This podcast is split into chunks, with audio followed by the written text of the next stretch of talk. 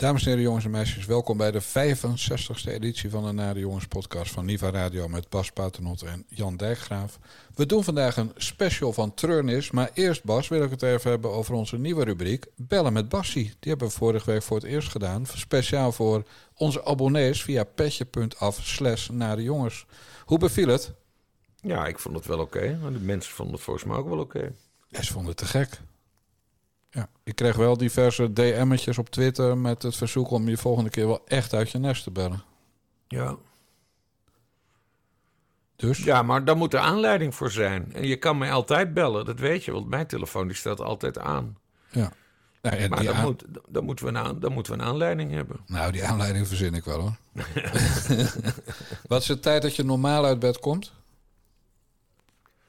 Ja, dat verschilt. Maar ik heb, ik heb als, als freelancer eh, heb ik altijd de regel... eh, ik begin nooit voor tien uur s morgens. En eh, het bed uitkomen is gelijk met beginnen. Of Ja, ga je eerst nog even naar het toilet, ontbijten? Ja, en, eh, half, half tien uit bed. Oké. Even koffie zetten. Blikje cola pakken. Ik drink altijd een koffie met melk en een blikje cola. om, Ik, eh, ik heb zo'n vermoeden dat de volgende bellen met Bassie ruim voor half tien 's ochtends gaat, eh, ja, gaat plaats hebben.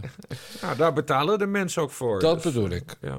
Ja, hey, we gaan even heel kort nog terugblikken op eh, het debat van vorige week. Met de opper Pinocchio. Even heel goed luisteren. Uit Linda's zomerweek of wintergasten, weet ik veel. Van Linda.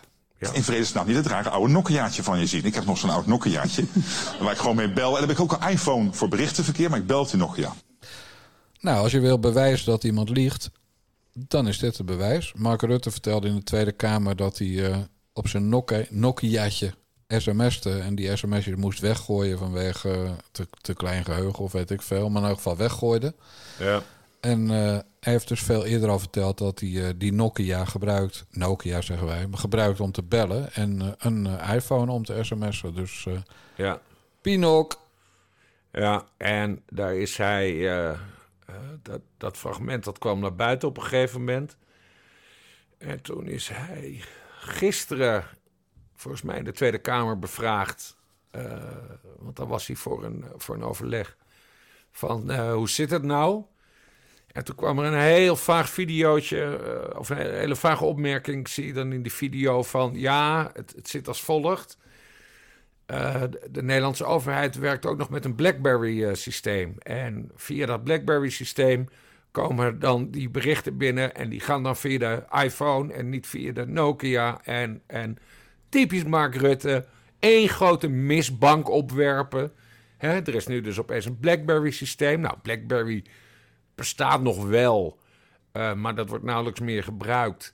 Eh, het is op een gegeven moment in Chinese handen gekomen. Dus dat zou ook wel heel dubieus zijn dat de Nederlandse overheid met een eh, Chinees bedrijf samenwerkt. ja. En nee, het was, het, het was allemaal weer te vaag, te vaag voor woorden. Ja.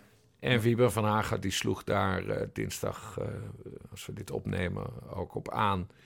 En die vroeg tijdens de regeling van werkzaamheden om een, eh, om een debat eh, over de kwestie. Want, want Rutte heeft zichzelf weer tegengesproken. ja, Maar de Kamer had daar geen, eh, geen zin in. dat zat er wel in. Ja. En de Kamer was meer dan de oppositie, neem ik aan. Of meer dan de coalitiepartijen. Ja, nee, maar het merendeel van de oppositie had er ook geen zin Nee. in. Hij heeft, en dat heeft, dat heeft trouwens ook een reden. Want Pieter Omtzigt, die heeft vorige week dus ook nog een hoorzitting aangevraagd over, eh, eh, over hoe de overheid omgaat met het archiveren van dit soort communicatie. En dat is, eh, dat zei Pieter Omtzigt vorige week al trouwens, hè? Ja. Toen het debat werd aangevraagd van dit komt te vroeg, want we hebben veel meer informatie nodig. Nou ja, dat blijkt nu ook. Want ja, er is dus een van de BlackBerry-systeem. Niemand heeft het gehad over een BlackBerry-systeem. En opeens gaat Rutte zeggen dat er ook nog een BlackBerry-systeem is. Dus ja, Wibbe van Hagen die wilde dus direct een debat. Maar hij was, hij was een van de weinigen die dat echt wilde. Omdat de mensen nu ook wel hebben van... eh, eh, los van het feit dat niemand zit te wachten op nog een debat... maar het merendeel van de Kamer, plus oppositie dus... ziet ook wel in dat ze misschien iets beter in hun eigen informatiehuishouding eh, moeten zitten. Ja. Want anders, ja, Rutte die speelt je helemaal het spel uit. Dat bleek. Precies. Overigens, de laatste keer dat ik met een minister heb gedineerd, had die minister wel degelijk een Blackberry. Ik weet niet welke minister dat was. Ja, dat maakt niet uit, maar uh, ik bedoel, het, is, het klopt wel dat ze nog heel lang met Blackberries werken. Ja, ze hebben heel lang met Blackberries gewerkt, maar dit zou, dit zou gaan om een Blackberry-systeem gekoppeld aan e-mails. Dus ik echt, nee, maar zie je, dit is wat Mark Rutte met je hoofd doet. Ja. Hij maakt je gewoon helemaal knettergek. Ja. Ik mis, ik mis toch een beetje dus het journalistieke vuur bij je vandaag, Paternotte. Wie was dat? Waarom ging je daarmee eten? Bla bla bla bla bla. Wanneer, en vooral wanneer was dat? Misschien was het wel tien jaar geleden. Omdat Ja, die- maar- de betreffende minister nu ergens Ik gesluierd ken, wordt. ik, ken, ik, ken maar ik ken maar één minister met wie jij geregeld dineerde. Want jij, jij kende vroeger natuurlijk meerdere ministers. Maar met wie jij geregeld dineerde was natuurlijk eh Janine Hennis. Ja, precies. Dus we hebben het over Janine Hennis die nu in eh, Bagdad eh, woont. Het was wel grappig, want de laatste keer, eh, de, la- ja, de laatste keer, er komt ook geen volgende keer, gezien het feit dat ik af en toe ook post aan haar schrijf op mijn website. En dan kan iedereen meelezen, dat, dat schijnt niet altijd te bevallen. Eh, maar ik zei toen, eh hey Hennis, dit wordt wel afgeluisterd hè, dit gesprek. Zei, nee, zei ze toen. en toen heb ik wel gevraagd, het is dus echt niet geverfd je haar. Ja. Je bent echt blond van jezelf. Maar goed, dat Ja, maar. Ze is toch een originele blondine? Jawel, maar dat houdt op een gegeven moment altijd op, hè? Ja. Kijk, jij, bent dan, eh, jij hebt nog dat goddelijke zwarte haar. Maar de meeste mensen worden op jouw leeftijd grijs, hoor. Ja. Maar jij dacht ook dat je bevriend was met Janine Hennis volgens Nou, dat was ik ook. Ja, maar Maar, maar, dat is, de- nee, maar dat is geen verwijt naar jou. Oh, zo bedoel Maar ik heb ook wel eens bedacht dat ik bevriend was met een politicus. Maar dat is wat ze je willen doen geloven. Oh, zo bedoel je, ja. Ja. Ja, nee, dat eh pff, weet je, Bas, boeien. Ik, eh, ik weet wel dat ze, dat ze na het twaalfde briefje zei... ik wil je wel een keer uitleggen hoe het zit. Ja. Kortom, je hebt er nu vandaag bullshit getikt. En toen dacht ik, eh, uitleggen hoe het zit. Ik, heb, ik heb meer dan de moeder Mavo en schroevers. ja. Doe even normaal. Dus toen was Zat het ze over. toen al in Bagdad? Ja, dat je dan naar Bagdad Ja. had moeten komen. Nee, dat ging volgens mij over kleding. En dan heb ik het niet over eh, een eh, bikini, zeg maar. Oké. Wat voor kleding dan wel? Nou, wat ze daar draagt omdat ze assimileert in eh, het Midden-Oosten. Ja, ja.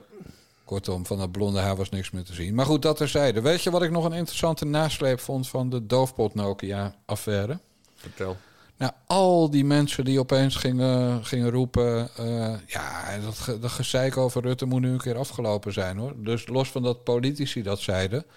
eh, zei bijvoorbeeld ook columnist Rob Hoogland van de Telegraaf... met wie ik toch meestal aardig op één lijn zit... maar die zei ook van... eh, niet zo zeuren over die sms'jes die hij weggooit. Terwijl het ja, in mijn ogen best over iets fundamenteels gaat. Ja. Namelijk eh, openheid, open overheid, openbaarheid van bestuur. Telegraaf neigt ook in commentaar richting Rutte. Ja, normaal doen ze dat pas vlak voor de verkiezingen. Weer even vol op het gas om eh, de VVD te steunen. Ja. Maar ze zijn er vroeg bij. Ja, Wouter de Winter, dus de, de, de, de, de politiek commentator van de Telegraaf, eh, die blijft nog wel kritisch. Maar ik begreep dat eh, Paul Jansen, dat is dan weer de hoofdredacteur, die vond het ook eigenlijk te ver gaan, de hele discussie over die sms. Ja. Nou, Rob Hoogland dan, als eh, de eminence grise van de Telegraaf. ja.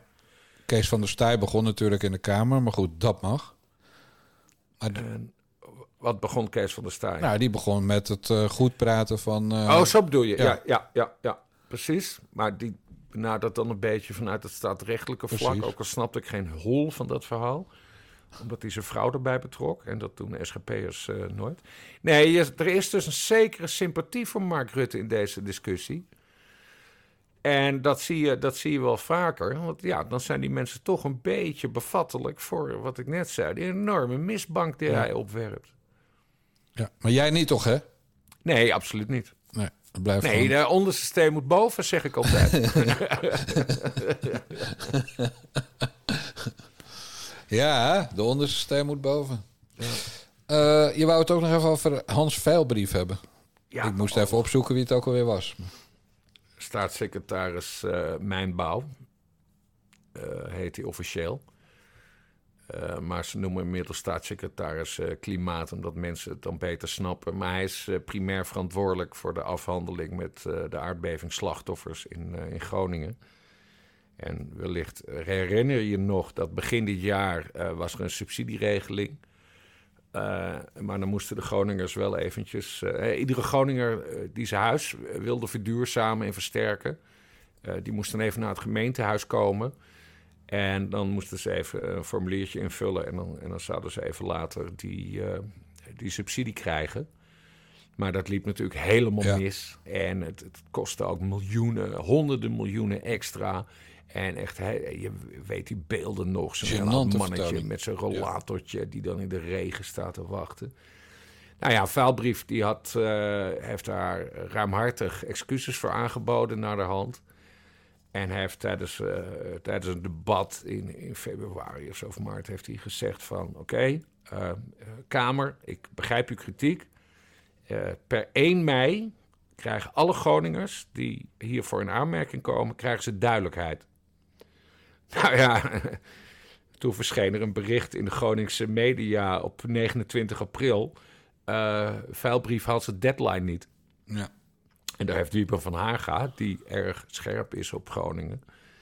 heeft daar toen Kamervragen over gesteld. Van waarom, uh, waarom wist de Kamer dit niet en waarom wisten de Groningers dit niet? En Vuilbrief heeft die Kamervragen heeft hij dus maandag uh, beantwoord.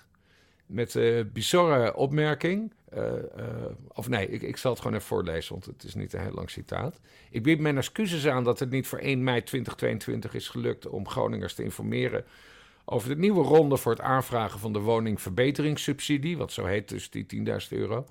Bij de vormgeving van de volgende openstelling zijn nadrukkelijk de ervaringen van de eerdere rondes van de subsidieregeling betrokken. Dat is dus dat falen. En is met de nodige zorgvuldigheid te werk gegaan bij de voorbereiding. En nu komt het. Die voorbereidingen waren net voor 1 mei, jongsleden, afgerond. Maar ik vond het netter uw Kamer niet tijdens het reces te informeren. ik heb uw Kamer en de bewoners zo snel mogelijk na het reces geïnformeerd over de nieuwe aanvraagronde. Nou ja, dat is natuurlijk te bizar. Dat Kamerreces, of het meireces, duurt dus van 22 april tot en met 9 mei. En hij heeft toen op 10 mei heeft hij de Kamer geïnformeerd. Maar het is wel heel opmerkelijk dat deze staatssecretaris tijdens recessen uh, Kamerleden niet wil inlichten. Ja. Want daar ben ik gisteren de hele dag mee bezig geweest om dat natuurlijk allemaal te gaan tellen. Uh, tijdens dat meireces van 22 april tot 9 mei heeft het kabinet 167 brieven aan de Nationale Vergaderzaal verstuurd. En werden er 367 Kamervragen beantwoord. Of dat ze dan vragen voor uitstel voor uh, beantwoording.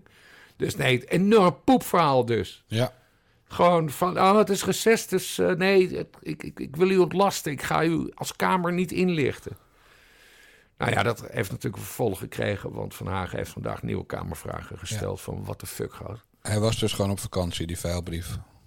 Ja, nee, uh, misschien was hij niet op vakantie. Daar gaat het helemaal niet om. Hij heeft, hij heeft gewoon, dit is het echt het, het, nieuwste en het meest slappe excuus om de Tweede Kamer niet in te lichten. Ja. Want hij wil natuurlijk tijd kopen. Wel origineel. Ja, het is heel origineel. Ik had dit, echt. Want ze roepen altijd: uh, we hebben reces is geen vakantie. Uh, ja. Maar Veilbrief is de eerste die zegt: Nou, het is wel vakantie, want ik ga jullie niet storen in jullie ja, vakantie. Precies. Bizar, hè? Heel gek, ja. Maar wordt dus vervolgd. Ja. Ja, mooi. D66 toch? Ja, Hans Veilbrief is van uh, D66. Ja, nou ja, dan weet je het wel, hè.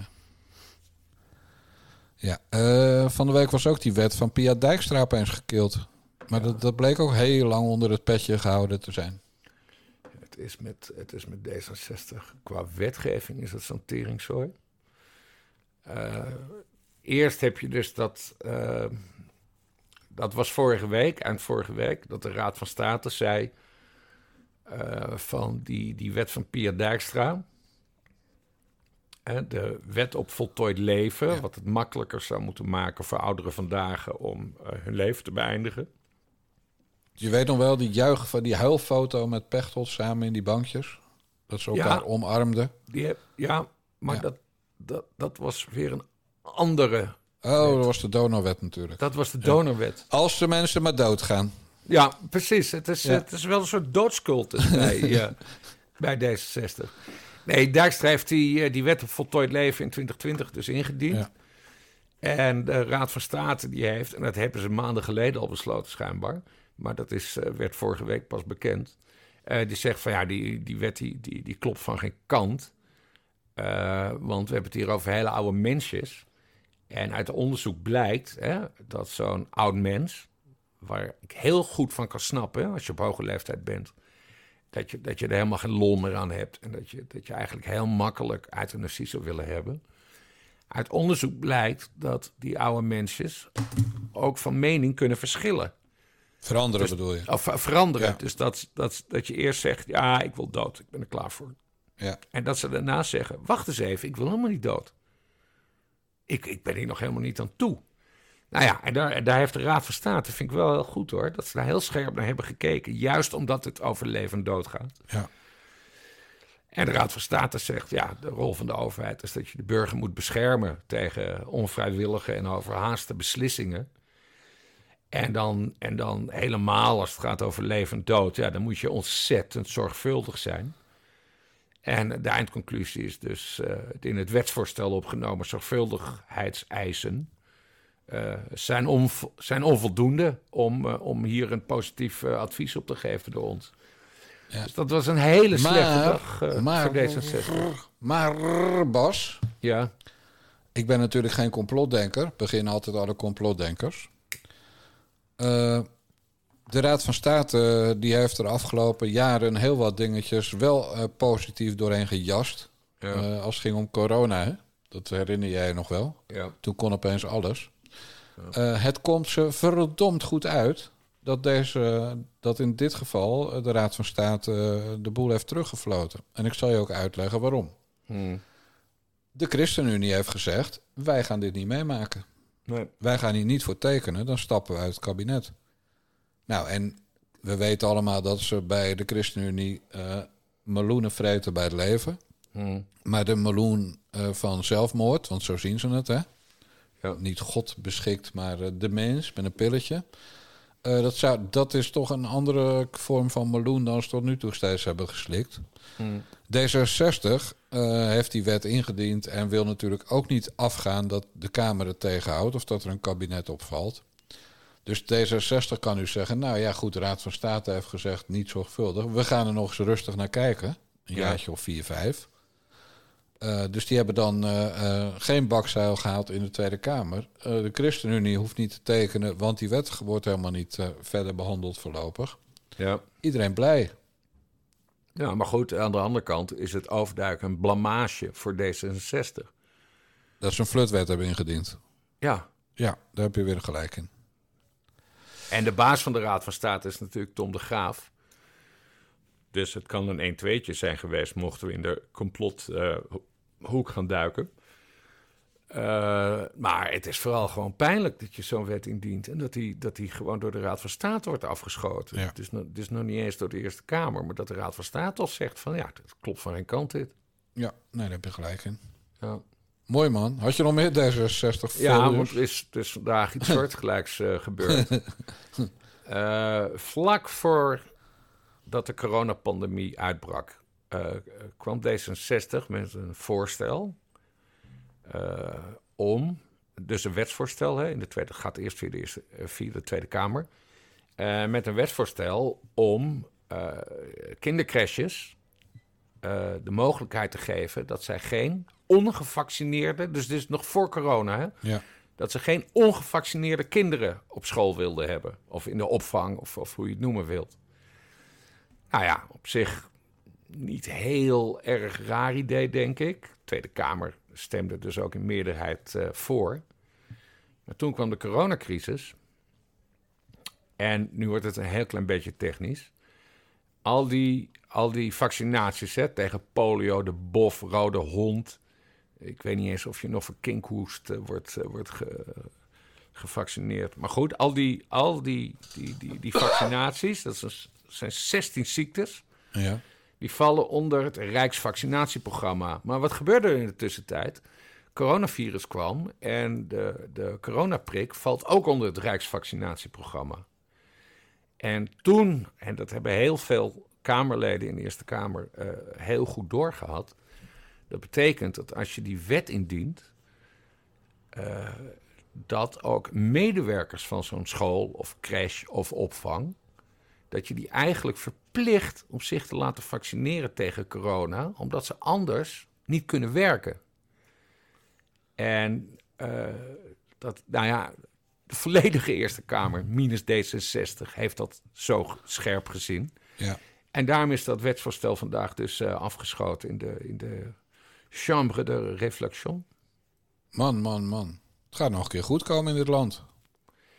Nou, ik vind het, ik vind het wel scherp, hè? Want dus van links tot rechts zeiden ze van nee, D66 koers nu af op uh, vaccinatiedwang. Ja. Gaan we niet doen. En dat lijkt me heel verstandig.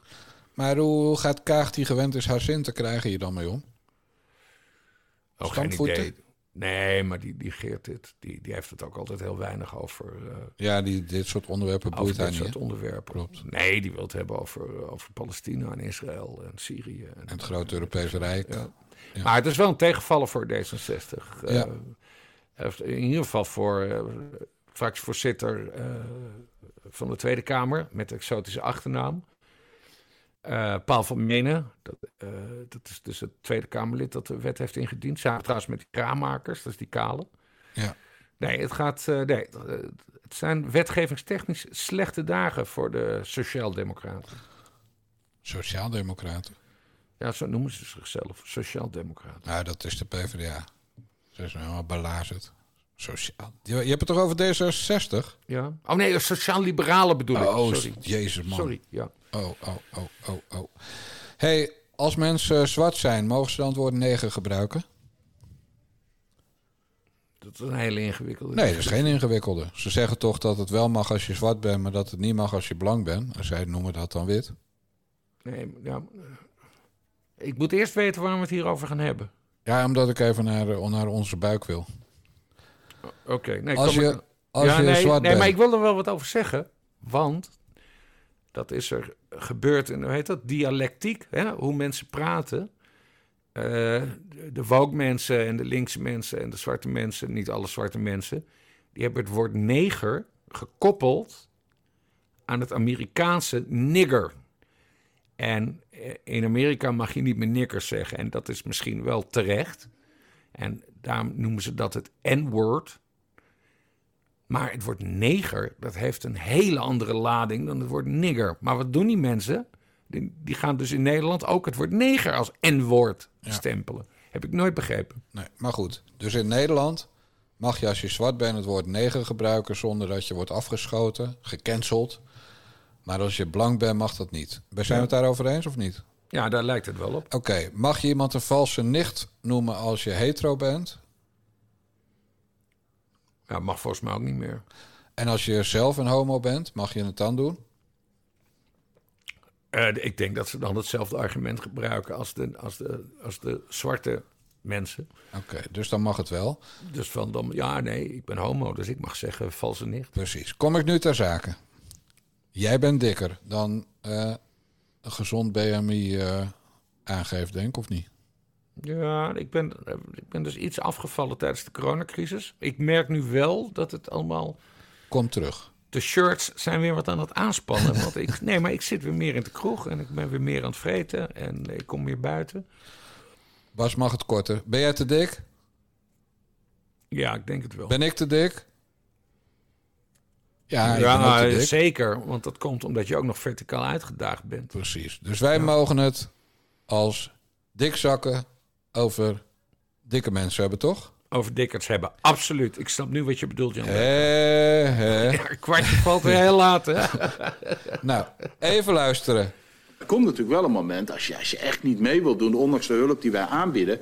Ja, dan komt uh, na de zachte arm van papa Bruls, komt de harde arm van papa Bruls. Zo zit het leven ook in elkaar. Het is opvoeden, hè? Ik heb me het afgelopen weekend helemaal de tyfus uh, uh, geërgerd. Maar ook wel heel erg hard gelachen om een interview in de Gelderlander. Ter gelegenheid van het tienjarig jubileum van Hubert Bruls als burgemeester van Nijmegen. Het was Even namelijk- over, even, even over dit fragment. Hè. Dit fragment is trouwens ouder. Ja, dat, ja, ja, dat weet ik. Maar hier blijkt al uit wat een Van een vreselijke lul. kerel het Van een is. lul, ja. Nee, maar papa Bruls. Ja, dat zeg ik. Papa, papa Doc, dat was de dictator van, hoe heet het, Tahiti? Papa Doc. En dan hebben we het over papa Bruls uit Nijmegen. Idioot. Ja, dat, dat ik wilde alleen maar met een fragment aangeven dat het een ongelofelijke lul is. Maar Ja, absoluut. En maar ga door, sorry. op de kortst mogelijke manier. Dus daarom denk ik, doe een fragmentje. Uitleg overbodig. Maar goed, vandaag moeten we bij jou alles uitleggen. Dus, die gast liet zich interviewen sa- door twee verslaggevers van de Gelderlander. Want ja, het was een heel moeilijk verhaal natuurlijk. En wie zat erbij en zat er constant doorheen te tetteren? Ilse Bruls, zijn vieder. Nou, en wat zei Ilse? wat zei Ilse? Ja, dat, dat los van alle bedreigingen, shit en zo, werd de meeste eh, tekst in het interview besteed aan de vetshaming die Hubert Bruls, waar wij dus allebei gezamenlijk twee keer in kunnen. Hè? Ja, Die man is gewoon 200 kilo. ja. Die, die staat op ontploffen. Sterker nog, de stoelen waar die in gaat zitten breken. Daarvan heb ik ook bewijs op in mijn briefje van Jan gezet. Eh, dus het is gewoon een vieze, vette papzak. En wa- wat ze vreselijk vinden is dat die eh, voor vieze, vette papzak wordt uitgemaakt. Want, zeggen ze dan, wat zou er nou gebeuren als die zwart zou zijn? En daar zou over gepraat worden. Nou, natuurlijk erg goedkoop om mee te liften met, eh, met zielige mensen van kleur die worden gediscrimineerd en racistisch worden bejegend. Ja. Maar bovendien, die huiskleur die krijg je bij je geboorte. En Hubert Bruls is niet, ge, niet eh, eh, geboren. Ik, ik, ik ben een beelddenker, ik zie nu meteen zijn moeder tijdens de baring voor me. Maar die is niet geboren als dikke, vieze, vette papzak van 200 kilo. Het is allemaal door het mondje gegaan. Nou ja, misschien was het wel een hele zware baby, dat weten we niet. Dat kan. Maar goed, wat die, wat die Ilse Bruls ook nog gaat zitten uitleggen in dat interview. Hè? Want wat doen dikke mensen vaak? Uh, Asja ten Broeke-achtige. Van uh, het is geen, uh, geen keuze. Nee, het is een, een trage schildklier. Of weet ik welke andere lichamelijke oorzaak die er dan is. Of voor mij. Maar nee, ze gaan gewoon uitleggen dat hij van de vette hap is. Dat er een dropje spot in de, in de auto van de zaak. Uh, als die, uh, als die uh, naar het gemeentehuis werd gereden en naar zijn huis. Dropje spot naast hem. Ik weet toevallig uit zeer betrouwbare bron.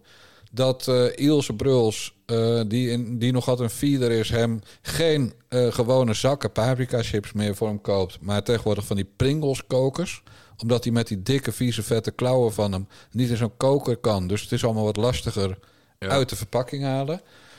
Maar hij, het is gewoon een man die niet beweegt, die, die stress heeft en die vreet, die snoept, die een vette hap neemt omdat hij even tussen twee vergaderingen wat moet eten. En niet van Ilse Bruls twee bruine bammetjes met kaas mee krijgt van huis. Ja. dus eigen schuld, dikke pens. En daar nou ja, mogen wij wat van zeggen, Bas. Zeker daar mogen wij zeker wat van zeggen. En ik vind dat heel Nederland daar wat van mag zeggen. Want tijdens de coronapandemie uh, was hij, dat is hij nog steeds, dus voorzitter van hoe heet het, het, het Veiligheidsberaad. Ja. Die, die, die 25, 26 burgemeesters uh, die heel Nederland en regio's hebben onderverdeeld. En dan tijdens de coronacrisis uh, één keer per week of zo bijeenkwamen. En, en dan, dan ga je het ook hebben over de term beeldregie. Terwijl beeld niet zoveel uit zou moeten maken. Maar ik, ik zal nooit begrijpen waarom de overheid heeft bedacht dat zij het coronabeleid konden verkopen door die enorme gehaktbal van de burgemeester neer te zetten. Ja. Zo, zo krijgen mensen toch niet over de streep van uh, oké, okay, we willen dat jullie binnen blijven. We gooien de horeca dicht. Je mag geen mensen thuis meer ontvangen. En dan, en dan heb je zo'n zo'n man gewoon, het is zijn eigen planeet gewoon. Die jou dan die regels gaat opleggen. Deugt niet. Deugt nee. niet, Jan. Nee, weet je wat, wat ook wel grappig is? Hij is pas 58, hè? Hmm. Of zoiets, maar in elk geval jonger dan ik. En dan zegt hij ook nog in het interview dat hij... Ja, hij heeft nog niet zoveel lichamelijke problemen door dat overgewicht. Want hij heeft alleen maar artrose in een knie.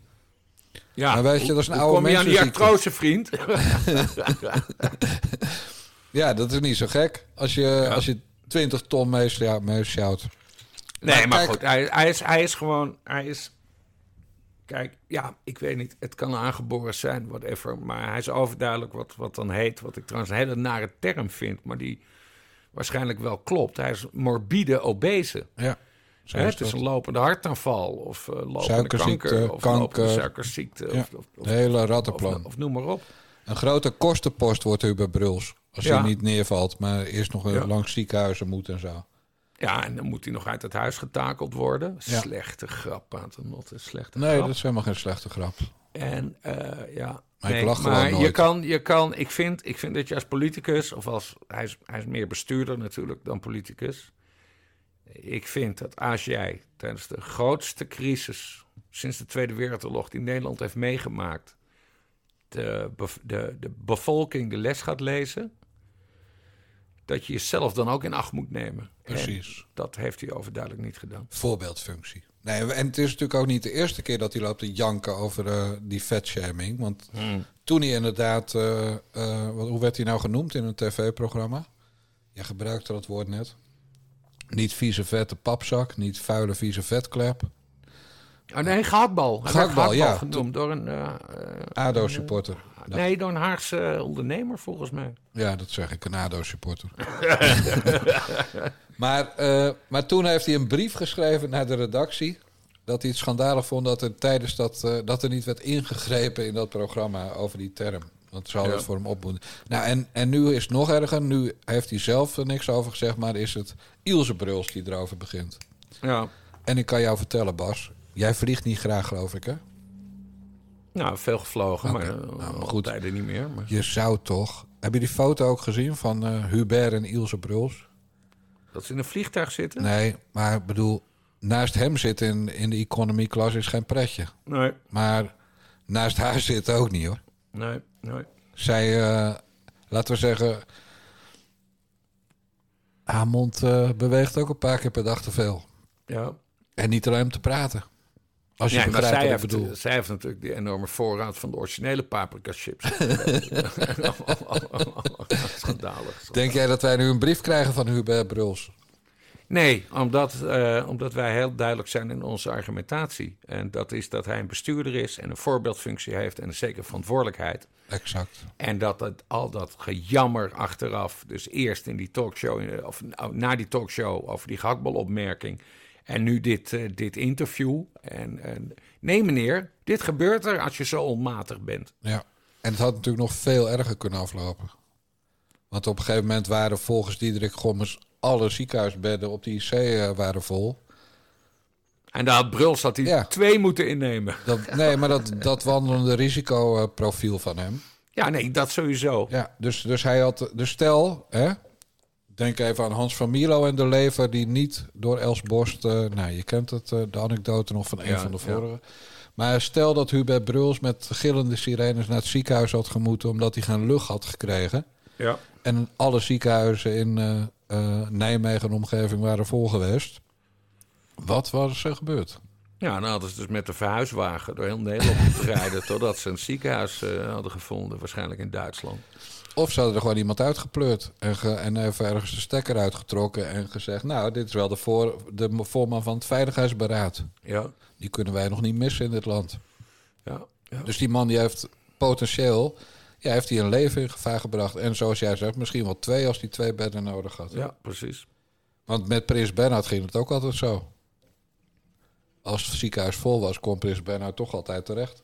Ja, maar dat was anders. Ja, dat dat weet was ik wel. anders. Voor de koninklijke familie... eh, Nee, ik, ik, denk, kijk dat, was het dat was het Bronovo. Ik weet niet wat nu het, het vaste ziekenhuis van de koninklijke familie is. Maar in het Bronovo staat altijd een bed, eh, stond altijd een bed klaar voor een lid van de koninklijke familie. En, eh, en terecht natuurlijk. Hoezo terecht, eigenlijk? Nou ja, de prins. de rot man. Nee, ik was altijd fan van Prins Bernhard. Totdat ook mij de naakte waarheid bekend werd. Dus, nee, maar goed, ik snap wel. Kijk, als Mark Rutte iets overkomt, dan staat er ook een bed klaar. No, no, no worries. Je hebt gewoon, je hebt gewoon bepaalde cruciale, cruciale posten in Nederland. Eh, als, de- eh, als daar iets mee gebeurt, dan, dan moeten die direct behandeld kunnen worden. Helemaal in zo'n crisis als, eh, als de coronapandemie. Alleen ja, die bruls. Het was ook, ja, het was gewoon de verkeerde man op de verkeerde plek. Daar komt het neer. Want je, je kan dat beleid toch niet verkopen met zo'n gas van 200 kilo schoon aan de haak? Nee. nee, daar heb je helemaal gelijk in. Ja. Dus eh, hij moet gewoon stoppen met een gejank. Ja, maar goed. Het Voor was mij zijn het tijd voor een nieuwe voorzitter van het Veiligheidsberaad. Wie moet dat gaan doen dan? Ja, geen idee. Het zijn er de 26 en er zit vast wel iemand tussen. Ja, ik zal ook nooit vergeten hoe die Bruls, eh, die ho horeca-ondernemer in Arnhem, eh, voor schut zette. Wat gebeurde er dan? Oeballa. Ja, ik, hij moest gewoon niet zeuren, daar kwam het op neer. Gewoon een man die heel veel werkgelegenheid eh, eh, oplevert. Hmm. Die keurig belasting betaalt. En eh, die schoffeer, hij schoffeerde gewoon heel Nederland, die klootzak. Ja. Die vieze vette pad. Vuile dikkerd. Ja, wij mogen dat zeggen als mensen met Oh. enig, enigszins te hoog BMI. Want Ja, wij zijn precies. zelf ook dik. Precies. Jij dikker dan ik trouwens. Nee, jij bent dikker. Ja, maar nou, nu, ga, nu ga je echt wat aan uitstaan. We gaan verder.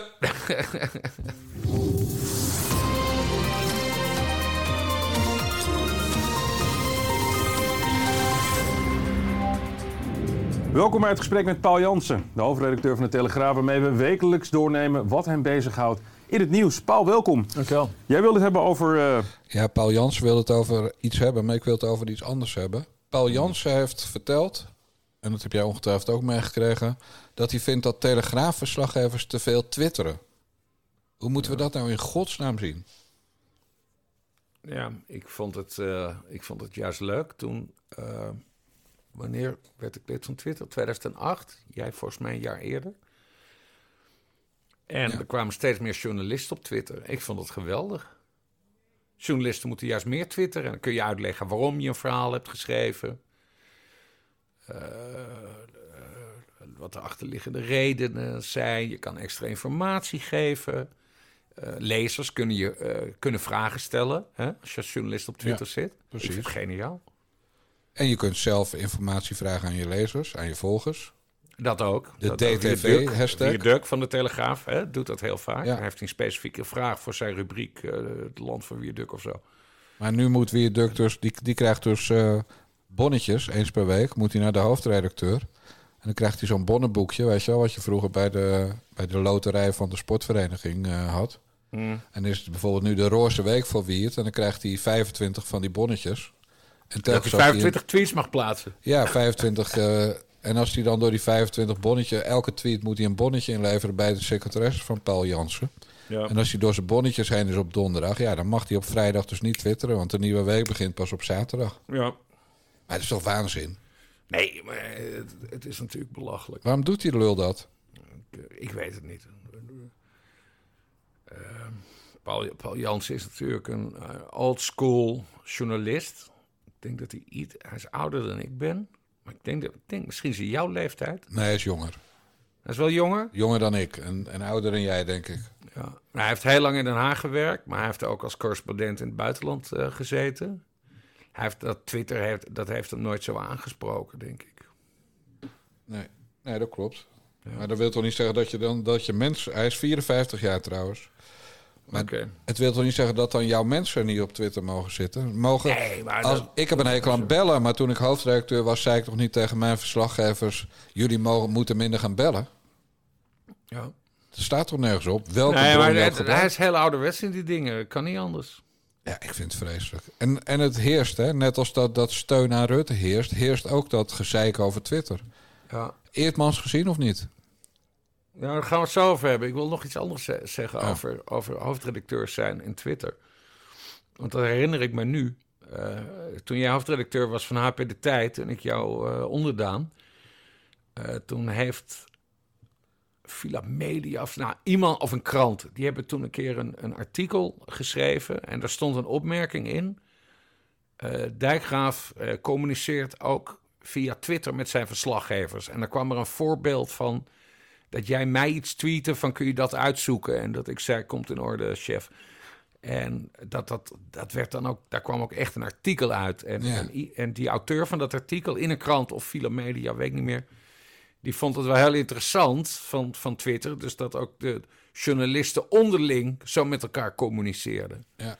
Nou ja, dat was ook zo, want het werkte. En we deden natuurlijk voor de lezerbladbindingen. Ja. Dat onze lezers van tevoren wisten van wat, wat die nijvere Bas Paternotte nu weer mee aan de slag was gegaan. Nee, maar eh, daarom, want het, het, het, het was in principe natuurlijk onzin. Want je kon mij ook gewoon sms'en. Maar we deden het via Twitter. Waardoor we ook die, die soort van transparantie creëerden. eh, voor sowieso de lezers die we al hadden. Maar ook de lezers die we wilden hebben. Precies. Van, oh kijk eens, Dijkgraaf en Paternotte... die communiceren over een artikel live met elkaar op Twitter. Ja. Dus nee, dus het, het heeft alleen maar voordelen. Na de jongens waren we. Nare jongens waren we, ja. Ja. Nee, het heeft zeker alleen voordelen. En, en eh, ja, Paul, ik, ik snap het gewoon echt niet. Als je als hoofdredacteur van een krant maakt het je geen reet uit hoe je mensen aan hun nieuws eh, komen. Als ze maar met nieuws komen. Als er maar nieuws komt. Maar dit, dit is gewoon eh, een, een boze echtgenote die zegt... eh nou, je zit de hele dag op Twitter. Ja. Kijk, als Paul Jansen vindt dat ze mensen te weinig stukjes tikken... moet hij ingrijpen. Dan moet hij zijn sms sturen. Precies. Maar dan Ja. moet hij niet gaan roepen... ja, je zit de hele dag op Twitter, min, ik wil minder Ja. tweets. En gaat dan iemand zitten turven hoeveel te zijn? Kijk, Rob Hoogland, die heeft mazzel. Die werkt voor zichzelf sinds hij met pensioen is. Ja. Maar ja, misschien vindt hij, vindt hij Rob ook wel een verkeerd voor. En Saskia Belleman, de koningin van de, de, de tweets bij rechtszaken. Ja. Goud. ja. Goud. Die trouwens, waar we het net over hadden, ook transparant is. Hè? Want die kun je zelfs een vraag stellen tijdens een rechtszaak. Ja, en dan krijg je ook vaak antwoord. En dan krijg je antwoord. En er zijn heel veel advocaten die haar volgen. En dan tweet ze iets verkeerds over een, over een, een bepaalde rechtszaak waar ze zit. En dan tweet ze direct eh, terug van... ja, u heeft gelijk, ik had het anders moeten formuleren. Dit is hoe ik het had moeten opschrijven. Dat is, dat is toch razend interessant? Precies. Ja, en dan wil je toch de volgende dag lezen wat ze er in de krant van gemaakt heeft. Tenminste, Ja. ik wel. precies, ik ook. Daarom heb ik een abonnement op, eh, op, de, op, op de Telegraaf. Ja, en het kan toch ook niet zo zijn dat Paul Jansen dan zegt... ja, maar dit geldt niet voor Saskia. Nee. nee, het is gewoon een hele rare opmerking. Ja, Maar goed, ze waren ook een beetje raar met het, de beschouwing over de hele Rutte-toestand. Exact. Dus, eh, dus er- eh, eigenlijk denk je, er komen verkiezingen aan... en Rutte gaat weer eh, in de push bij de Telegraaf. ja, dat dat, dat, dat eh, stiekem achtergrond zou zijn. Als dat toch kan- waar zou zijn, man. Ja, Mooi. dat zou bizar zijn. Ja, maar ik kan het me niet voorstellen. Maar goed. Hé, hey, maar Eerdmans noemde ik al. Die Ja. riep ook weer uit. Eerdmans die, die verzamelt ook gekke dingen, hoor. Maar die riep nu ook weer uit... Twitter is bagger en dat weten we allemaal. Ja, Er, moet, moet ik nou... Je weet dat ik een boekje heb geschreven, hè? Social media, wel de likes, niet de, lust, niet de lasten. Daarin leg ik mensen zoals Eerdmans uit... dat je helemaal zelf bepaalt wat je ziet op Twitter. ja. Je volgt namelijk zelf mensen of je volgt ze niet. Je zet mensen op mute of je zet ze niet op mute. Je blokkeert mensen of je blokkeert ze niet. Nee. Maar je, je hoeft helemaal niet de troep van anderen te lezen en de bagger. Dat hoeft helemaal niet. Joost, sukkel.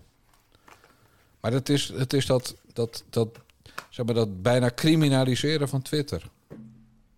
En ik Ja, schat het... wat, wat ook opmerkelijk is, is dat zijn eh, tweede man, of in dit geval tweede vrouw, want ze hebben samen de partij opgericht, Annabel Nanninga, die is groot geworden op Twitter natuurlijk. Ja, precies. Die begon op, die begon op Twitter, daarna eh, tegelijkertijd met bloggen. Eh, daarna ging ze richting televisie. En uiteindelijk, zeer tegen haar zin, maar ze wist dat ze de verantwoordelijkheid moest nemen, heeft ze zich laten roepen tot het politieke vak. Dus zij is natuurlijk ook minder gaan twitteren. Maar Annabel Nanninga die twittert nog steeds. Hoezo is Twitter bagger? Kom je Ja, erbij, Joost zegt hij dus dat... Hij zegt eigenlijk dat Annabel Nanninga bagger is. Nou ja, dat, zo, zo zouden we het kunnen, kunnen uitspelen. Maar het is gewoon, ja, het is gewoon een hele domme opmerking van Eerdmans. Ja. Nou, weet je, nu we toch met domme mensen bezig zijn, wil ik gewoon gelijk door naar de volgende. We luisteren naar een stukje eh Galit en Sophie. Want al onze luisteraars die missen dat elke dag. En gelijk hebben ze. Daar waren te gast Mireille van Ark, de hoofdredacteur van BNR Nieuwsradio, heet het nog zo? Nou ja, BNR. Eh, en Talita Muze, die eh, een middagprogramma bij dat BNR schijnt te hebben. Even luisteren. Nou, kijk, deze vorm van journalistiek is eigenlijk bedoeld om informatie boven de tafel te krijgen die je anders niet boven tafel krijgt. En kijk, als we haar hadden gevraagd hè, van ehm, zet jij eh, ongecheckt informatie op je kanaal, dan zal zij eh, zeggen, nou ja, eh, dat doe ik wel een beetje, want ik ben nou eenmaal Jews hè, en ik ben eh, geen journalist. Maar die rechter heeft nu natuurlijk gezegd, eigenlijk is ze wel journalist. En de vraag is van, na die uitspraak heeft zij haar werkwijze bijvoorbeeld aangepast. En daarom hebben wij dat filmpje gemaakt om te laten zien van hoe ze dan te werk gaat. Het is ook een beetje een ludieke manier. Ja, Een ludieke manier om het in werking te zien. Dus je kan een artikel schrijven met een media-expert, een ethici... en dan belandt het op pagina 5 van een krant ergens. En dan lezen nou, misschien een paar mensen binnen de journalistiek het... en die zeggen, oh, verontwaardiging, die Juice-kanalen... die zijn niet heel ethisch. Zo even, want voor de Maar mensen nu- thuis, want die hebben het nu niet maak je gezien, het hè? praktisch. Laten we Ja, kijken wat maar het laat is, dan het hebben we er zo nog even over. Ja. Wat hebben die spionnen nou gedaan? Hebben haar dus gefilmd. Oh, wat lelijk dit. Ik weet dat heel veel mensen snuiven. Maar Taliet... Maar Taliet. Ja. Ja, dat mogen echt alleen mijn intimi zeggen hoor. En, en die Hoe journalistiek, eh, hoe journalistiek is een uitlokfilmpje maken eigenlijk? Nou, jij noemt het uitlokking, want eigenlijk zijn we gewoon het proces ingegaan. Dus we hebben een, een filmpje opgenomen waarbij je eigenlijk heel weinig ziet. Want in principe kan ik daar alles aan het doen zijn. Vervolgens is er ook een nep-account inderdaad gemaakt door BNR. eh, met geen volgers erop. Dus je kan heel duidelijk zien van nou, dat is niet een verifieerbare bron. Dat heeft ze ook niet gedaan. Ze heeft niet gecontroleerd, is dat een echte persoon? En in die combinatie hebben we gewoon getest. Dus dat kan je ook participatiejournalistiek noemen. Je kan zeggen het is uitlokking. Bas, Ja. ik ben natuurlijk eh, best wel enkele keren jouw hoofdredacteur geweest. En we hebben wel eens gekke dingen gedaan. Maar als ik jou toch, eh, of als, als ik jou toch zou vragen met Bas, wil jij een filmpje maken van jezelf op het herentoilet? Waarbij je je huissleutel onder je neus duwt en daaraan gaat staan ruiken. eh, half zichtbaar. Wil je dat filmpje vervolgens naar een eh, Juice channel sturen? Van, waarvan we allemaal weten hoe het te werk gaat en ook wat het verdienmodel is. En eh, vervolgens belt die eh, mevrouw van het Juice Channel jou eh, met beste Bas Paternotte. Ik heb een filmpje van u gekregen. Snuift u misschien? En jij zegt nee hoor, ik snuif niet. Volgens mij zou jij mij dan als hoofdredacteur bellen of sms'en of appen of een DM'tje sturen. Niet op open Twitter natuurlijk. Met, nou, verhaal mislukt. Klaar? Want ze heeft eh, wederhoor gepleegd. Precies. Ja. En als, als, we, als ik dan zou zeggen, ja, maar Bas, ik heb de tekst nodig, moet er echt in, dan zou je in dat verhaal zetten, nou, eh ze heeft keurig wederhoor gepleegd. Ja. En ik heb het keurig mogen ontkennen en dat schrijft ze ook op. Nou, klaar toch? Het was een. eh, ik vond het een ontzettende ad hoc operatie. Want het gaat dan om één filmpje en dat gaat dan naar die mevrouw Koldewijer. Nou, we weten dat er veel meer Juice-kanalen zijn. Eh, waarom er niet een breder onderzoek van gemaakt? Ja. Ook Jantje een filmpje Roos. naar eh, Jantje Roos sturen. En eh, er zijn vast nog wel meer van die Juice-kanalen die ik niet volg. En dan had je er een echt onderzoek van kunnen maken. Maar het leek me allemaal heel erg ad hoc. En een heel goed excuus, maar dat zeg ik als grapje. Dat ze wel daadwerkelijk daar bij BNR in Amsterdam, bij het Amsterdamstation kook aan het snuiven was. Maar dat wil ik wel geloven dat het niet zo is. Maar het is te ad hoc.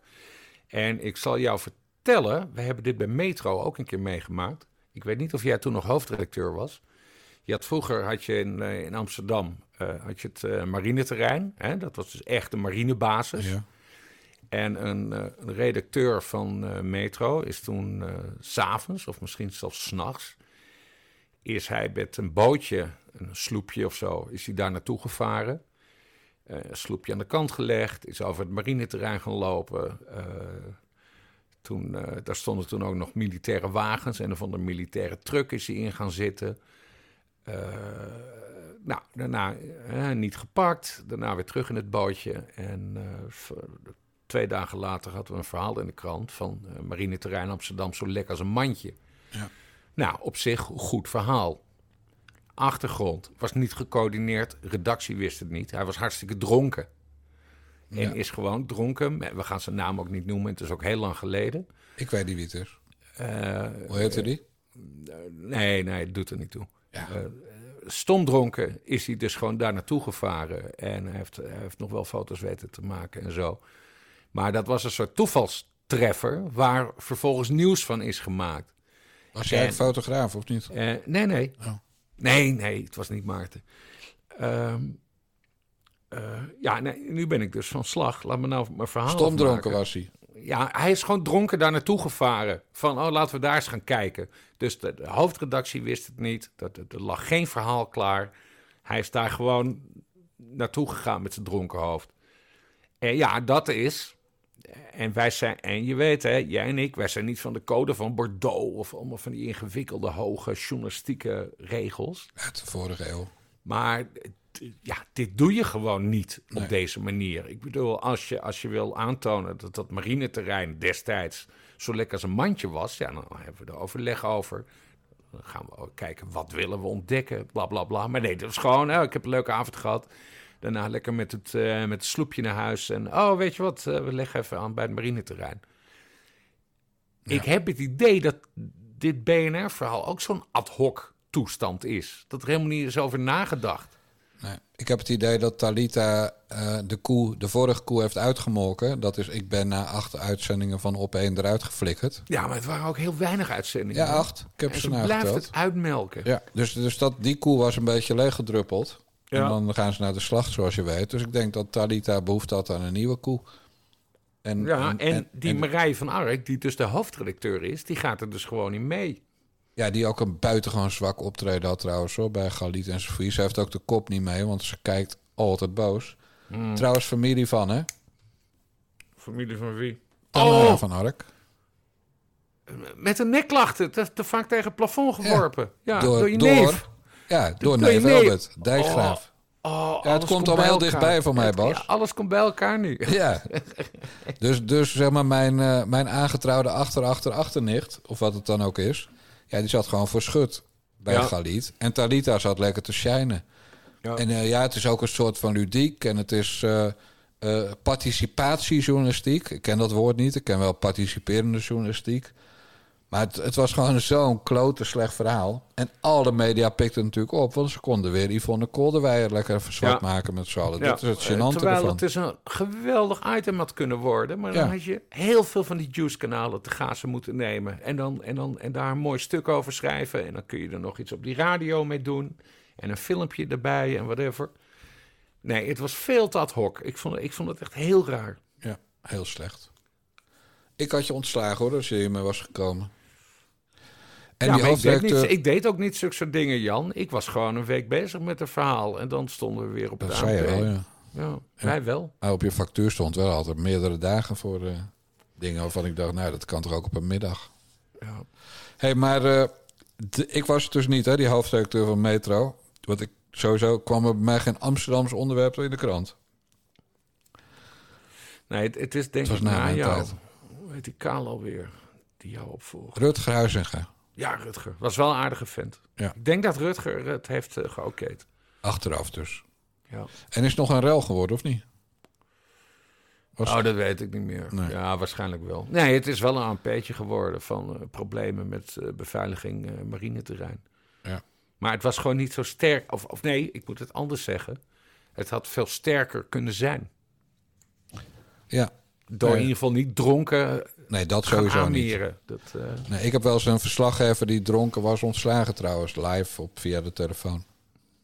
nee, die verslaggever heeft... Oh, die nam ontslag, ja. Die nam ontslag Ik zei tegen die het hele verslaggever... bedrijf te mailen. Ja. In mijn herinnering zei ik tegen die verslaggever... jij hebt mij een opening krant beloofd, dan ga je tikken ook, Kreng. Ja. En toen zei hij, dat doe ik niet. Want de verslaggever in kwestie stond in Nieuwsport met een fractievoorzitter van een partij. Waar we kort daarvoor een eh, artikel van een fractielid over hadden geschreven. dat hij werd eh, afgeperst door zijn homo Charlie Abtroot van de VVD. Ja, precies. En- maar goed, en- we gaan het niet over die verslaggever hebben. We gaan geen namen noemen. Zo zijn wij niet, Jan Nee, ik vind ook, we mogen de naam van die verslaggever niet noemen. Ik weet wel dat ik hem de volgende dag weer heb, eh, als freelancer heb aangenomen. Ja, de Ja, verslaggever kwam de volgende dag zijn bureau leeghalen. Ja. En toen, en toen heeft hij nog even overleg gehad met zijn hoofdredacteur. En toen mocht hij wel zijn, eh, zijn interviews met politici blijven maken, omdat die heel goed eh, ontvangen werden in het land. Ja, zo is dat. Ja, En tegenwoordig eh, is, maakt hij onderdeel uit van de Nare Jongens podcast. ja. Beide. Ja, zo gaan die dingen. Maar het was, ja, het was wel leuk dat jij toen een ontslag nam. ja.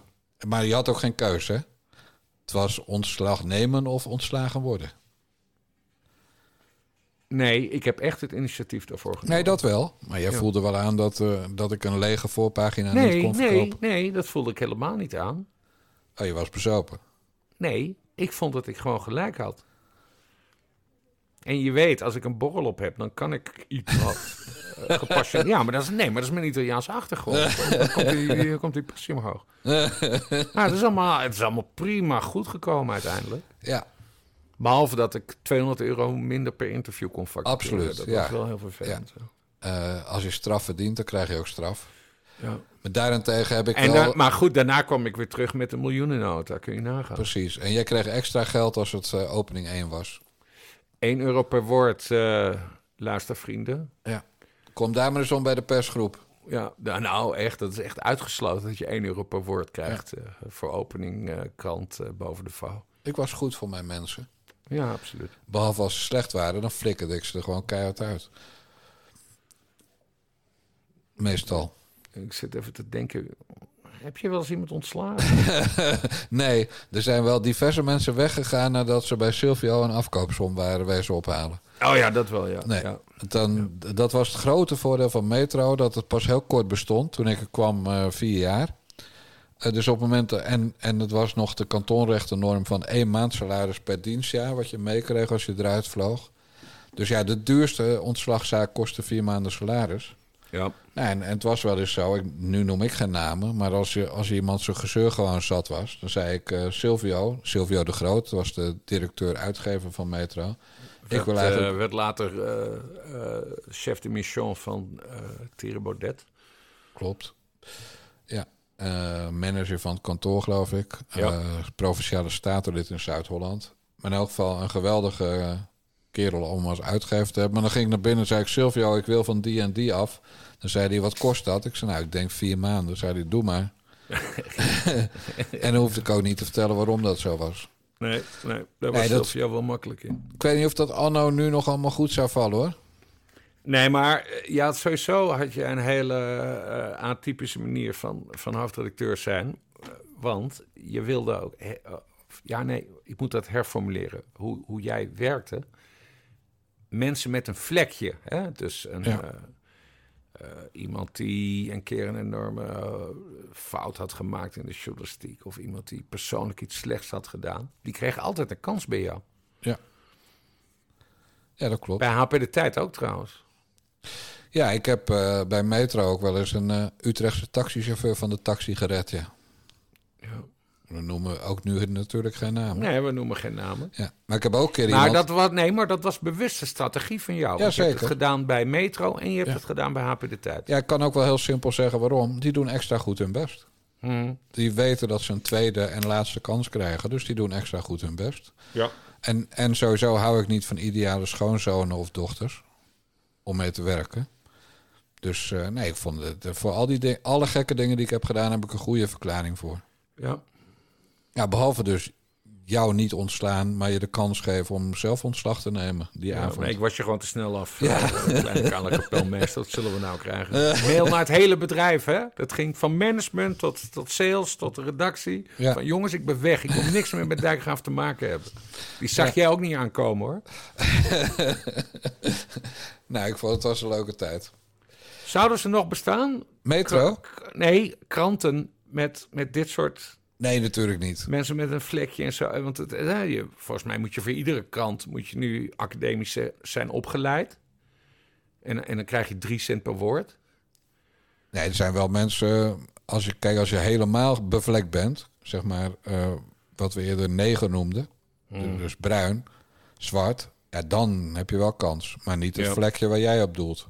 Nee. Nee, dat is eh, vrij uitgesloten.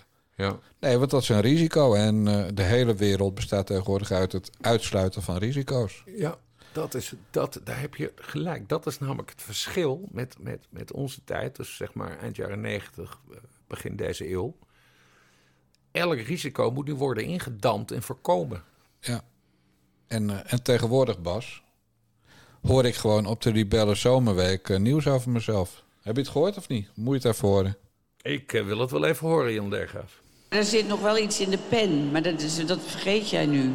Vertel, Erika. Maar daar kunnen we nog niet te veel over zeggen. Maar dat gaat wel over eh, de komende tijd. Ik hoorde ook jullie zeggen net in het, eh, dat er misschien nog een boek van jullie samen of zoiets komt. Wat, eh, Ja, dat is, daar, daar zijn we nu over aan het spreken met eh, Jan Dijkgraaf, de schrijver. Dus dat is nog heel pril. Maar ik denk wel dat het een heel leuk idee is. waar gaat het ongeveer over? Ik weet helemaal niet waar je het over hebt. Ja, over ons leven. Oh. nou, heel nieuw item voor mij. Ze hebben wel zelf spot, die meilandjes. Ja, zo gaan die dingen. Ja. hey, maar we hebben tot nu toe allemaal eh, in onze special van Treurnis allemaal treurwilgen gehad. Hè? Dus Rutte, Veilbrief, Bruls, eh Ilse Bruls, Pijltje Jansen, Joost Eertmans, Talita Muze, Mi eh, Mireille van Ark. Allemaal treurwilgen, maar nu gewoon het leuke nieuws. Ik ga een nieuw boek over de Meilandjes maken. Ja. En dat Ja, was trouwens zaterdag op de Libelle Zomerweek.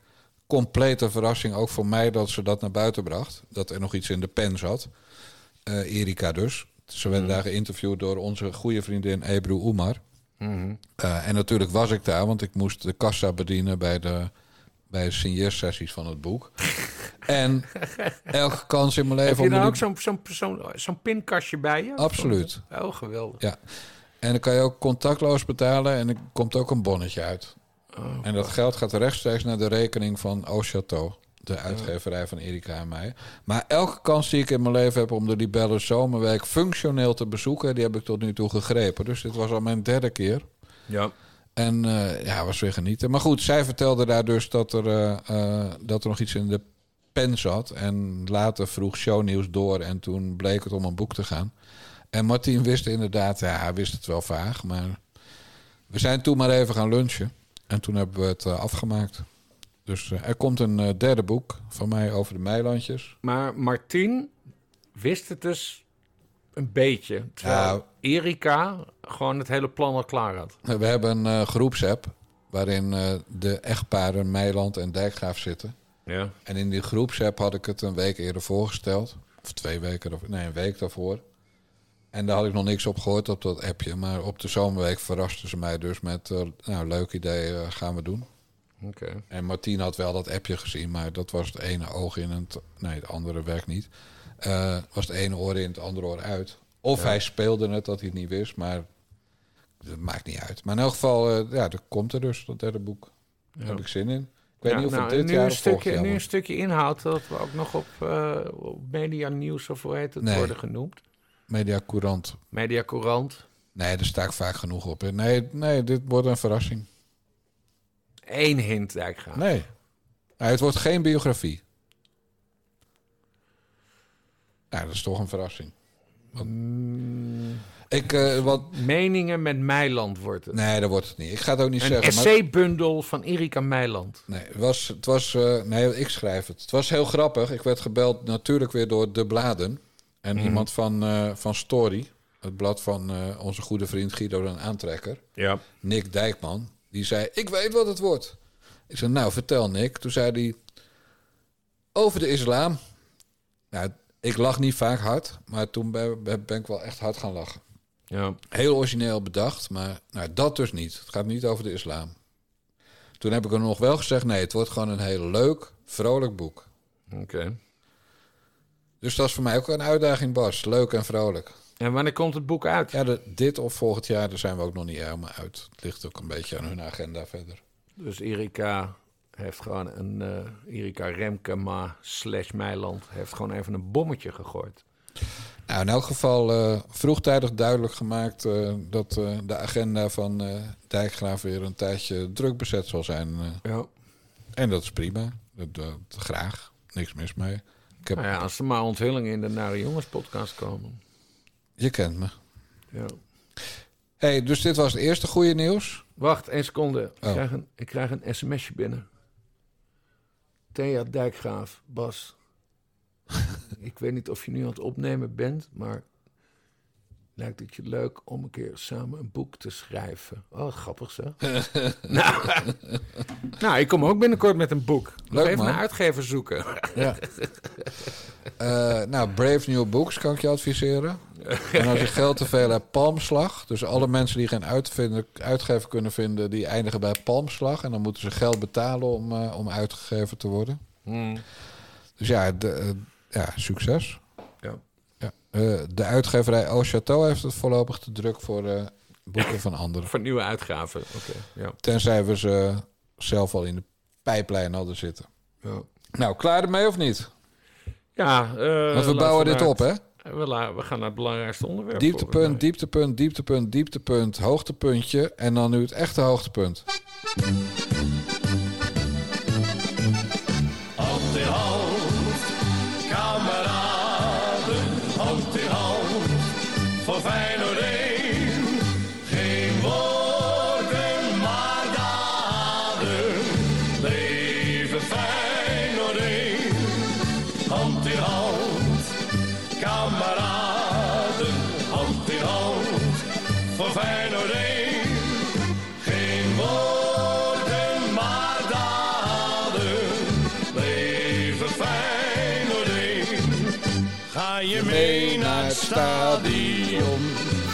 Naar de Club van rood en wit. Je zoekt een Plaatsje in de zon. Waar je zo gezellig zit. Kijk, ze Komen op het veld. Een gejuich Juich uit duizend kelen. Man, je staat ervan versteld. Als de sterrenploeg gaat spelen, dan is altijd wat je hoort. Het lied van Feyenoord. Met z'n allen. Kameraden. Jij kunt het ook, hè? Ja. Ja, goed man. Woensdagavond, 9 uur, op Veronica. Wie gaat Arne Slot eh, allemaal opstellen, Jan? Weet ik veel. Nou, in elk geval wat heel belangrijk is. Hmm. Bijlo op doel. Dus dat scheelt eh, twee tegentreffers. Het maakt mij helemaal geen re- reet uit wie er spelen. Ik zie alleen maar het rood-witte shirt. En ik weet dat de eerste club in Nederland die een Europa Cup pakte... dat was de Europa Cup 1, was Feyenoord in 1970. Twintig jaar geleden, rond eh, de moord op Fortuin... weet je nog wel... Was Ja, toen daarna dat, dat kampioensfeest, wat echt heel dubbel was natuurlijk. ja, was Feyenoord de laatste Nederlandse club die een Europa Cup pakte. Eh, maar dat werd nogal overschaduwd door de moord op Fortuin. Ja, en, en woensdagavond kunnen ze dus tegen AS Roma... Ja, weer de laatste club zijn die een Europa Cup pakt. Ja, maar nee, dit is dus niet de Europa Cup. Want Is ik een Europa Cup. Het is een, want dit is de Co- Conference League, toch? Conference Cup, ja, weet ik veel. Ja, ik vind die namen niet zo belangrijk, Bas. Maar ga je naar Tirana, Albanië ligt dat mensen, het ligt in Albanië. Nee, tuurlijk niet. Gaat Bob naar Albanië? Nee, die zou wel willen, maar die zit in de Kuip. Want alle seizoenkaarthouders konden in de, kunnen die wedstrijd in de Kuip volgen. Op een groot scherm. Ja, ik neem aan meerdere. Ja. Dus die gaat eh, naar de Kuip en eh, ik zit gewoon eh, gezellig thuis met een wijntje en een bakje Waarom chips. gaat Bob niet naar Tirana? Heeft hij wel geprobeerd, geloof ik. Kaarten weg.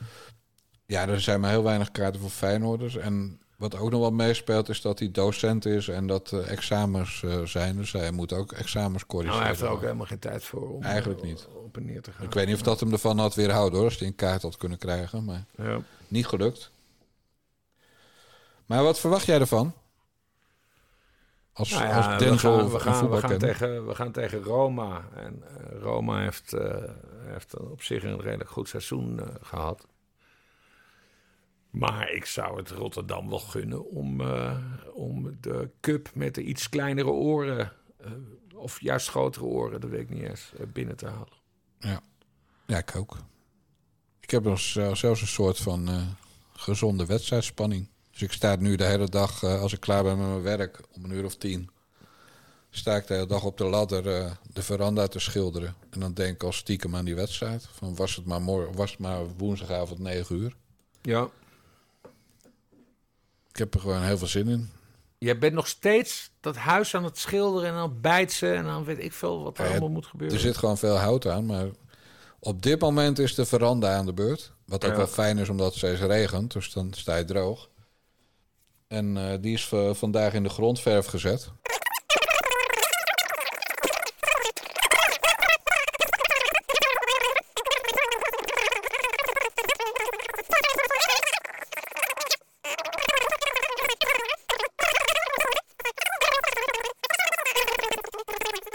Dat vind ik ook helemaal niet leuk. Ik vind kozijntjes schilderen leuk. Ik las in het Algemeen Dagblad toevallig vandaag een artikel eh, over dat alpaca's in, eh, in opmars zijn. Ja, nou, daar zijn ze lekker snel mee dan. Een of andere verslaggever die reed langs een weiland in Brabant of zo. En die zag alpaca's. En die heeft er een enorm artikel over geschreven. En ik dacht gelijk, ja, what the fuck. Dijkgraaf heeft al jaren alpaca's nadat hij zijn schaap had laten doodvriezen. Ja, over een maand, Bas. Anderhalve maand gaat het gebeuren. Wat dan? Ja, dan eh, gaat, eh, gaat Solana bevallen. Oh, ja. Hopelijk gaat het dit jaar goed. Ja. Ik heb het nog niet doorgekregen bij mevrouw Dijkgraaf... dat als het een mannetje wordt, dat we, haar- dat we hem Bas noemen. Oh, dat zou ik wel gaaf vinden hoor. Wat, wat heb je ervoor over? Nee, ik sms wel even met Theo, komt goed. Ja, want die meeste, de meeste van die beesten hebben dus Spaanse achternamen. Omdat Mm. ze uit Zuid-Amerika komen van oorsprong. Dus Ja. Bas is wel een beetje een trendbreuk. Bassio, Donbass, Donbassio. Donbass, dat is meer Oekraïne. Ja. hey, eh, zullen we nog de administratie doen en er een end aan breien? Want jij ja, we de moeten eind glasbak. maken. Het duurt weer veel te lang dit. Ja, dat gezeur, daar ben ik nou zat. De mensen haken nooit af. Nee, dat is Bas, waar. als jij praat. nou, we gaan even de administratie doen. De nieuwe abonnees op petje.af slash nare jongens. Het waren er weer heel veel deze week. Dus ik ga ze er in een razende vaart doorheen proberen te gooien. Henk, Frank, Stefan, Emmy, Mandy, Steven, Jelle, Hilly, Loes, Frankie, Jimmy, Emiel, Gonnie, Jan-Willem, Karen, Neeltje, Kees, Gerard, Ron, Michel, Steven, Olde, Ties, Doede, William, Harry, Adi, Leon, Ruud, Ferry, Marjan, Martijn, Jan, Erik, Jannes, Janneke, Jan, CP, Jacobina, Tom, Twan, Hilco, Tom en Jenny, Captain, Willem, mijn naam is Haas, Peter, Diederik, Pascal, Miranda, Yvonne, Fred, Dirk en Dagmar. Mensen, bedankt voor jullie steun. En als er nog, hoeveel zijn het er? Nou ja, een stuk of 170 bijkomen. Dan gaan we ook de Nare Jongens Friendcast maken. Dus eh, meld je aan als abonnee van de Nare Jongens op petje.af slash Nare Jongens. Nou Bas, Nou ja, omdat het geluid te hard stond. Het is dus petje.af slash nare jongens. En misschien dat wij eh, achter het muurtje, zoals je dat dan noemt... dan misschien ook maar een keer Phil Collins eh, moeten gaan bellen. Phil Collins bellen. Ja, die zingt dit liedje toch? Ja? Nou, gewoon... eh, en Phil, luister je wel eens naar de nare jongens, dit en dat, bladibla. Hoe gaat het? Drum je nog? Goed idee. Ja, goed hè? Ja. Nou, als jij dat dan even regelt, Ja. dan sluit ik af voor de mensen. Dit was de 65e aflevering van de Nare Jongens podcast van Niva Radio. Onze website is nivaradio.nl. Abonneren kan dus via petje.af slash Nare Jongens. En dan moet je doen, want des te eerder gaan we beginnen met de Nare Jongens Friendcast. Exclusief voor onze abonnees. De mazzel. Doei doei.